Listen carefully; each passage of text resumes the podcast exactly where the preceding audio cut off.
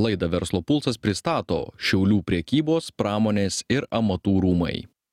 Labadiena žinių radio klausytojai, prie mikrofono Dominika Goldbergaitė. Šiandien laidoje kalbėsime apie netrukus vyksiančią konferenciją Verslo kodas į.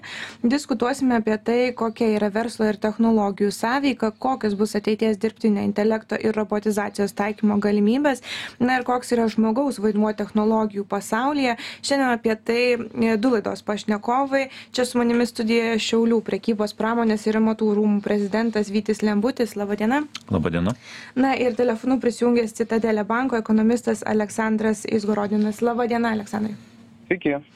Tai gal pradėkim nuo tokio žvilgsnio iš toliau apie visas temas ir tada pabaigsim ir, ir, ir na, pakalbėsim apie konferenciją. Tai, ponia Aleksandrai, kokios dabar yra, jūs pastebėt, ekonominės e, verslo investicijų tendencijos pasaulyje? Na verslo tendencijos e, šiuo metu yra labai nevienodos. E, gal pradėsiu nuo jav kur situacija šiuo metu yra stipriausia nes e, ten ekonomika visiškai nelėtėja dėl didelio valstybės palaikymo valstybės išlaidų palaikymo. Tada mes turime kitą kraštutinumą tai yra kinija kur ekonomika atrodo iš tiesų labai silpnai dėl problemų nt sektoriuje na ir turime tokį vidutinį rezultatą euro zonoje kur ekonomikos aktyvumas tikrai lieka žemas bet jau yra pirmų požymių kad jisai pradeda stabilizuotis nes pramonės rodikliai europoje po truputėlį kopia optimizmo prasme kopia į viršų. Tarkim vokietijos pramonės optimizmas dabar yra aukščiausiame lygyje per paskutinius šešis mėnesius. E, mes prieš dar laidą su ponu Vyčiu kalbėjomės verslo kodas į, tai į telpa ir inovacijos, ir informacinės technologijos, ir, ir kas dar sakėt? Ir investicijos, ir tie patys iššūkiai. Um, ir dirbtinis intelektas. Tai e, tada apie viską taip ir, ir, ir plačiau. Dar, e, ponia Aleksandra, jums noriu e, užduoti klausimą. E, kaip Jūs galvojat, koks yra dabar ryšys tarp verslo inovacijų ir jau na, ekonomikos augimo, vat, ta, surišant su pirmu klausimu? E, manau kad vis didesnis ir didesnis. Jeigu pasižiūrėtume į tarkime išlaidų mtep statistiką tai e, jos ganėtinai neblogai kyla į viršų ir didelę dalį to prieaugio generuoja būtent e, verslas. Plius lietuva daro jau šiokį tokį e, proveržį ir kalbant apie inovacijų rodiklius europos inovacijų išviešinti ten taip pat verslo inovacijų rodikliai labiausiai tempia į viršų mūsų bendrą progresą. Ir tai kaip čia pasakyt nėra siurprizas. Pirmiausia dėl to kad e, įmonės fiksuoja pakankamai didelį kaštų augimą ypatingai atlyginimų kaštų augimą ir neišvengiamai turi pradėti fokusuotis į inovacijas. Kitas aspektas kad apskritai lietuvos verslas e, vis labiau ir labiau integruojasi į europinės vertės grandines ir turint omeny kad europos verslas didina dėmesį inovacijom labai normalu kad ir lietuvos verslas e, gan sparčiai didina tą dėmesį dar kol kas pasilikime prie klausimų tokių labiau iš toliau. E, verslo inovacijos turbūt neįsivaizduojam be, be tam tikrų skaitmenizacijos elementų. E, pone Vyti, kaip Jūs sakytumėt, kaip skaitmenizacija paveikia verslus per paskutinį laikotarpį? Kalbėti tiesiai paveikia tiesiogiai. Mes pastebėm tendenciją, kuo daugiau inovatyvių sprendimų dėgia įmonės, tuo geresni jų veiklos rezultatai. Tai mes kalbam ne tiktais apie pelno dydžius bet mes kalbam apie sukuriamą produktą kuris proporcingai auga ir dėl šitos priežasties ir ta mūsų tokia konferencija vienas iš tų būdų kad skatinti ne tik baimes kurios natūralu yra pagrįstos dėl tam tikrų pasaulinių įvykių bet kartu ir galimybes kad vis tiktai inovacijos inovacijų diegimas skaitmenizavimas yra viena iš tų sričių kuri leidžia išlikti konkurencingam E, leidžia suvaldyti savo kaštus ilguoju laikotarpiu ir taip pat leidžia užsitikrinti tam tikrą maržą, kurios verslo reikia aukti. O kaip Jūs sakytumėt, kaip Lietuvos verslo bendruomenė žiūri dabar į investicijas į technologijas? Na, iki, galbūt aš e, pasakysiu labai paprastai, iki pandemijos pradžios, tai buvo kai kuriam įmonėm savaime suprantama, kai kurios įmonės tą darė mm, nedideliais tempais. Po 20 metų pandemijos dauguma įmonė suprato, kad toliau taip dirbti nebegalės ir tai aiškiai parodė kad priklausymas nuo darbo jėgos jis yra vienas iš tokių didelių rizikos veiksnių. Ir nuo to laikotarpio atsisuko į technologinius pokyčius pradėjo diegti robotizacijos technologijas pradėjo diegti dirbtinio intelekto technologijas kurios galėtų dalinai užkeišti žmogišką kapitalą jam nesant nedalyvaujant sergant arba tiesiog jo trūkstant kas šiandien dienai labai aktualu. Ir nuo to momento mes jaučiam tokį tokį pakankamai stiprų arba gyvą pokytį, kad kiekvienais metais investicijų į technologinę sritį, į MTEPinius projektus didėja ir jų apimtis auga. Pone Aleksandrai, kaip Jūs sakytumėte, ar dabar tinkamas laikas investuoti technologijas yra? Visada yra tinkamas laikas investuoti į, į technologijas, kalbant apie Lietuvos verslą, turint omeny darbuotojų trūkumą ir turint omeny europinių verslų dėmesį inovacijoms. Tai aišku, dabar galbūt mm, tai labiau priklausys ir nuo valstybės vaidmens, tai yra kokį dėmesį inovacijoms skirs valstybė, nes šiaip investicijos į inovacijas yra visų pirma rizikingas, visų antra kapitalo įimus e, procesas. Tai bet ir valstybės e, prasme aš matau teigiamų poslinkių, nes e, inovacijos užima vis didesnį ir didesnį svorį valstybės dėmesio centre, tai manau, kad valstybės tas fokusas į inovacijas jis turėtų padėti verslui į tai investuoti. E, pone Vyti, jūs prieš tai atsakydamas į klausimą pasakėt, kad na, priklausimas nuo darbo jėgos vis rizikingesnis verslai tą jaučia. Kodėl? Jeigu pažiūrėtumėt statistiką, na vėlgi galim imti ta, tos pačius 2020 metus, minimalus darbo už, užmokestis kiekvienais metais tik tai auga. Tai galbūt kai kurie mūsų klausytojams pasirodys keista, bet iš tiesų faktai yra tokie, kad nuo 20 metų iki 24 metų sausio 1, kurio metu yra jau numatyta, kad minimalus darbo užmokestis Lietuvoje bus 924 eurai, statistiškai šitas atlygis paaugo 52 procentais tai per keturis metus labai didelis augimas visus šituos kaštus kiekviena verslo įmonė turi atidirbti, kitaip tariant, juos įsirašyti savo sąnaudas. Ir vienintelis kelias yra įvykdyti šitą sąlygą ir didinti efektyvumą. Didinti efektyvumą, ko gero mes puikiai suprantam, su ta pačia darbo jėga yra įmanomas, bet labai sudėtingas uždavinys. Tuo tarpu pasitelkiant lygiai rečiai technologinius sprendimus, inovacijų sprendimus, tą galima padaryti ženkliai greičiau. Ir labai teisingai gerimas Aleksandras pastebėjo, tačiau yra viena rizika, kad tai yra imlų kapitalui. Ir čia mes turim vieną problemą, kurią pastaruoju metu sprendžiam, tai yra augančias palūkonų normos. Pastaruoju metu jos vis augo, dabar jaučiam, kad Europos centrinis bankas galbūt pradėjo jau ir nuosaikesnę politiką, nebedidino paskutinį kartą palūkanų normų, bet šita dalis e, yra vienas iš tų ribojančių veiksnių, kurie mūsų verslus šiek tiek atbaido nuo galbūt drąsesnių arba rimtesnių investicijų į šitas rytis. Bet tada, kalbant apie tas technologijas ir kaip jos na, keičia ir, ir mūsų tą darbo jėgą, tai koks tada žmogaus vaidmuo technologijų pasaulyje išliks, kaip jūs matot, kaip jūs prognozuotumėt? Labai geras klausimas. Ir teko neseniai stebėti vieną Europos forumą, kur humanoidai buvo užduotas šitas klausimas ir buvo labai įdomu, ką jis atsakė. Tai atsakymas buvo labai e, tiesmukiškas, kad vis tik tai žmogaus intelekto, žmogaus kūrybiškumo nei dirbtinis intelektas, nei robotinės technologijos nepakeis. Tai ko gero aišku signalas ir mums, kad daugiausia mes kalbam apie tas tas dalis kurios yra mechanika labiau susiję su su mechanika su a tam tikru darbu kuris nereikalauja didelio a intelekto arba kūrybiškumo. Tai yra arba kita kitaip tariant paprastas paprastas darbas. Tai aš manau kad yra grėsmė kad ateinančios technologijos arba sprendimai pakeis bet vis tiktai žmogus turės aukštesnę pridėtinę vertę kai mes kalbam apie kūrybiškumą mes kalbam a apie sprendimus a kurie yra nepaprasti kurie yra sudėtingi kompleksiniai čia be žmogaus mes artimiausiu metu bent jau aš nematau galimybės išsiversti tai e, tai kad neteksime darbų e, susiję su visa šita skaitmenizacija, kaip jūs sakytumėt, labiau tai yra, nežinau, mitas, tiesa, e, ar reikės persikvalifikuoti? Aš ją pavadinčiau natūralia evoliucija. Jeigu mes žiūrėsim, sakykime, istoriškai atgal, mes matysim, kad ir Henrio Fordo pirmo konvejerio įdėgymas sukėlė didelį ažiotažą rinkoje. Žmonės labai baiminosi ir pradėjo niokoti šitą techniką, bet tai nepakeitė progreso. Priešingai tai tiesiog leido nusistovėti naujiems stereotipams, naujam status quo darbo rinkoje, persikvalifikuoti, kas šiandien dienai yra labai svarbu ir aktualu suprasti, kad vis tik tai mes nesam įgyję profesijas visam gyvenimui, mes turim ruoštis keistis, mokytis, persikvalifikuoti ir ta visuomenės dalis, kuri tai supras ir tą padarys, aš manau, kad jiem išeis tai naudą, nes sukurs didesnę pridėtinę vertę, už kurią kiekvienas verslas yra pasiruošęs sumokėti daugiau negu moka dabar.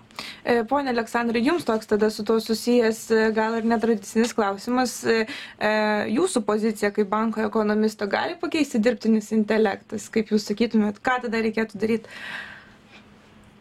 Manau, kad su laiku dirbtinio intelekto poveikis verslui tikrai didės, bet manau, kad visų pirma, šiek tiek užtruks e, tol kol verslas iš tiesų supras dirbtinio intelekto pranašumus ir privalumus. Ta prasme technologijų adaptacija jinai nevyksta sparčiai tai yra procesas. Kitas dalykas kad aš sakyčiau kad tam kad dirbtinis intelektas realiai e, turėtų tokį labai jau didelį poveikį versle reikalingas ir paties dirbtinio intelekto progresas nes e, taip tai ką gali padaryti dirbtinis intelektas dabar yra įspūdinga bet aš sakyčiau kad skaičiavimo prasme modeliavimo prasme ten kol kas labai įspūdingų rezultatų nėra. Tai yra labiau šiuo metu asistentas pagalbininkas kuris sparčiai mokosi bet kuris vis dar atlieka iš esmės bazines funkcijas. E, pone Vyti, jūs prieš tai pasakėte, kad na, Lietuva e, na, palanki dabar erdvė yra vystytis verslams, inovacijoms. E, kaip jūs sakytumėt, ar dar vis esame šalis viena patraukliausių startuoliams kurtis, kaip tai buvo kalbama na, prieš keletą metų? Aš manau, kad dar esame. Ar toliau būsime labai priklausys ne tik nuo verslo sprendimų, labai priklausys ir nuo politinių sprendimų, kurie bus daromi verslo atžvilgių. Šiandien dienai aš sakyčiau, kad pakankamai situacija yra nebloga bet kita vertus mum nereikėtų užmigti ant laurų labai dažnai mes dar turim tą sindromą kad mes esam trečioji pasaulio šalis ir šiandien dienos skaičiai rodo kad visiškai ne. Mes jau nebesam trečioji pasaulio šalis. Mūsų darbo užmokesčio vidurkis mūsų sukuriamas pridėtinės vertės produktas aiškiai indikuoja kad mes esam tarp geriausių europos sąjungos valstybių. Ir tai reiškia kad ta metodika kuria vadovaujamės iki šiol jinai nebeveikia. Mum reikia jau lygiuotis į didžiąsias europos sąjungos valstybes į stipriausias europos sąjungos valstybes kartu keisti ne tiktai verslo modelius bet ir teisines bazes kad mes toliau galėtume išlaikyti aukštą konkurencingumo lygį. Kaip jūs galvojat kokios dabar yra vystymosi verslų inovacijų galimybės regionuose? Ar čia mum yra kur stiebtis ar jau judame link tų didžiųjų valstybių kaip jūs paminėjote Aš manau, kad gal pas mus yra gajus stereotipas, kad regionas kažko skiriasi nuo Vilniaus regiono arba, sakykime, Šilių regionas ar, ar Klaipėdas regionas nuo Kauno regiono. Tai aš sakyčiau, čia galbūt yra tas toks gal požiūrio skirtumas. Iš esmės, um, didžiulių skirtumų aš labai nematau. Um, ta distancija, kur yra tarp Vilniaus, Šiaulių, Vilniaus, Klaipėdos pasaulio mastu, jinai yra visiškai nedidelė. Vienintelis dalykas, tai aš sakyčiau, gal čia reikėtų daugiau politinės drąsos, atkreipti dėmesį daugiau į regionus, galbūt skatinti tuose regionuose aktyvesnę verslo plėtrą, daugiau dėti pastangų ir politiškai nukreipti verslus, kurie galbūt nori kurtis kažkuriam tai stipriausiam regione, nukreipti žvilgsnį į mažesnius regionus. Ir mes tada turėsim subalansuotą šalies ekonomiką, gyvenimo sąlygas, nes kas, ką šiandien tenka girdėti, kad Vilniuje pakankamai aukštas pragyvenimo lygis, bet ir brangus nekilnojamas turtas, išgyvenimo sąlygos brangios, tuo tarpu regionuose yra atotrukis. Tai čia yra vienas iš tų indikatorių, kuris, sakyčiau, leistų transformuoti dalį verslo į regionus. E, pone Aleksandrai, kaip Jūs sakytumėt, inovacijos e, kylanti mūsų kuriama pridėtinė vertė, jos keičia tradicinės verslo strategijas dabar? be abejo kad keičia ir įmonės neišvengiamai labiau fokusuosis į aukštesnės pridėtinės vertės kūrimą nes mes jau nebesame pigios darbo jėgos valstybė kuri užsienio klientams iš esmės parda pa pardavinėja ne prekes ar paslaugas o tiesiog pigią darbo jėgą. Tai tie laikai jau praeityje ir manau kad įmonės neišvengiamai fokusuosis į aukštesnės pridėtinės vertės kūrimą priešingu atveju dalis įmonių tiesiog pasitrauks iš rinkos. Ir norint toms įmonėms aukti, ne, kaip Jūs galvojat, kokia yra didžiausia kliūtis, kuriantis inovacijoms mažesnio kapitalo verslo sektoriuose, ponia Vyti, gal Jūs galėtumėte? Na, pirmiausia, gal kaip ir sakau, mums reikėtų palikti tam galbūt iš ankstinį nusistatymą, kad Lietuvoje kažko neįmanoma padaryti arba negali padaryti. Ir nemažai verslo startuolių ir verslo pradedančių asmenų tai įrodė, kad pakankamai yra galimybių. Taip yra kai kur politiniai tam tikri aspektai, kurių apeiti mes negalim, tai mes to jaučiam transporto sektoriuje, kad dalis transporto yra dėl tam tikrų politinių galbūt aspektų pasitraukę. Bet iš esmės aš manau, kad mm, pirmas dalykas kas man labai patinka kad lietuviai yra pakankamai kūrybingi žmonės ir drąsūs žmonės kai jie nori tą padaryti ir talentingi žmonės o tai yra tas trejetas kur verslo pradžiai duoda labai labai daug e, Dar du paskutiniai klausimai ir jau perėsim prie konferencijos ir, ir tokio apibendrinimo. E, pone Aleksandrai, verslas ir tvarumas kaip jūs sakytumėt verslo inovacijos prisideda dabar sprendžiant socialines ir aplinkosaugos problemas? Ar tai lygiagrečiai yra tokia na irgi svarbi tema kaip ir pačių inovacijų vystymasis manau kad e, po truputį prisideda ir su laiku tas poveikis ir prisidėjimo lygis jisai dar labiau stiprės nes kaip ir minėjau lietuvos verslas vis daugiau dėmesio skiria inovacijoms ir manau kad artimiausiu metu šita situacija nepasikeis. Pone vyti turėtų verslai spręsti aplinkosaugos problemas socialines problemas savo inovacijomis ir ne tik žiūrėti į tą verslo pelno dalį bet ir į tą pridėtinę vertę visuomenei aš manau kad tą daro ir jaučiu kad su laiku to darys vis daugiau. Labai daug dėmesio skiriam tam labai daug dėmesio europa skiria šitam klausimui. Ir kai kuriais atvejais jeigu mažesni verslai to daryti nenori juos įpareigoja jų partneriai kurie yra pakankamai atidūs šioms dalims jautrūs ir perka paslaugos iš tų savo partnerių kurie tuos sprendimus daro. Tai aš labai džiaugiuosi kad yra tokia kryptis. Taip jinai nėra lengva tai reikalauja investicijų bet ilguoju laikotarpiu tai duoda pridėtinę vertę ne tik pačiai įmonei bet ir visuomenei ir pabaigai tada e, šitai daliai užbaigti skaitmenizacija inovacijos kurios na reikalauja to dirbtinio intelekto kartais skaitmeninių išteklių e, turbūt reikėtų kalbėti ir apie mūsų saugumą. Tai kiek dabar sakytumėt reikėtų investuoti į kibernetinį saugumą kiekvienai įmonei palietėt labai gerą klausimą ir e, norėjosi atkreipti dėmesį kad nei viena inovacija nei viena e, skaitmenizacijos epocha etapas nepraeina be tam tikrų saugumo incidentų. Todėl kalbant apie naujų sprendimų diegimus naujų technologijų diegimus lygiagrečiai turėtumėm kalbėti ir apie saugumą. Duomenys tampa mūsų šios dienos auksu ir tai yra brangiausia vertybė. Labai daug dėmesio buvo skiriama su gdpr projektų įgyvendinimu. Tai rodo kad iš tiesų tai yra svarbūs dalykai. Ir diegiant technologinius sprendimus reikėtų atsižvelgti ir tai ir palikti investicijų būtent saugumui užtikrinti. O kalbant apie kibernetinį saugumą e, ko gero visi jaučiam kad pastaruoju metu incidentų skaičius lietuvoje ir pasaulyje auga kibernetiniai nusikaltėliai tobulėja ir jeigu mes nesiimsim priemonių galim prarasti labai nemažai savo investicijų ir ir lėšų Tai a, ačiū Jums už šitą dalį. Dar trumpai porą klausimų į, į laidos pabaigą apie artėjančią konferenciją Verslo kodas į e, ką įdomaus galim tikėtis išgirsti. Na, pirmiausia, mes kaip ir pradėjom šiandien, šiek tiek apžvelgsim su gerimu Aleksandru ekonominę situaciją ir pasaulyje Lietuvoje. Um, tada su gerbiamu vytautu siaurusaičiu pabandysim paanalizuoti duomenų analitiką kiek vis tiktais šiaurės regione mūsų verslininkai uždirba turto grąžos ir kaip efektyviai investuoja. Be abejo paliesime dirbtinio intelekto temą ką mes kalbėjom ir šiandien ir pabandysim atsakyt į klausimą ar tai vis tiktai yra a, kažkoks tai mitas, ar tai vis tik tai yra būtinybė. Ir per praktinius pavyzdžius apie robotizaciją, apie netgi komunikaciją, kaip komunikuoti, mes perėsim prie diskusijos, kaip tai taikyti prasmingai, tvariai ir kokie geriausi pavyzdžiai.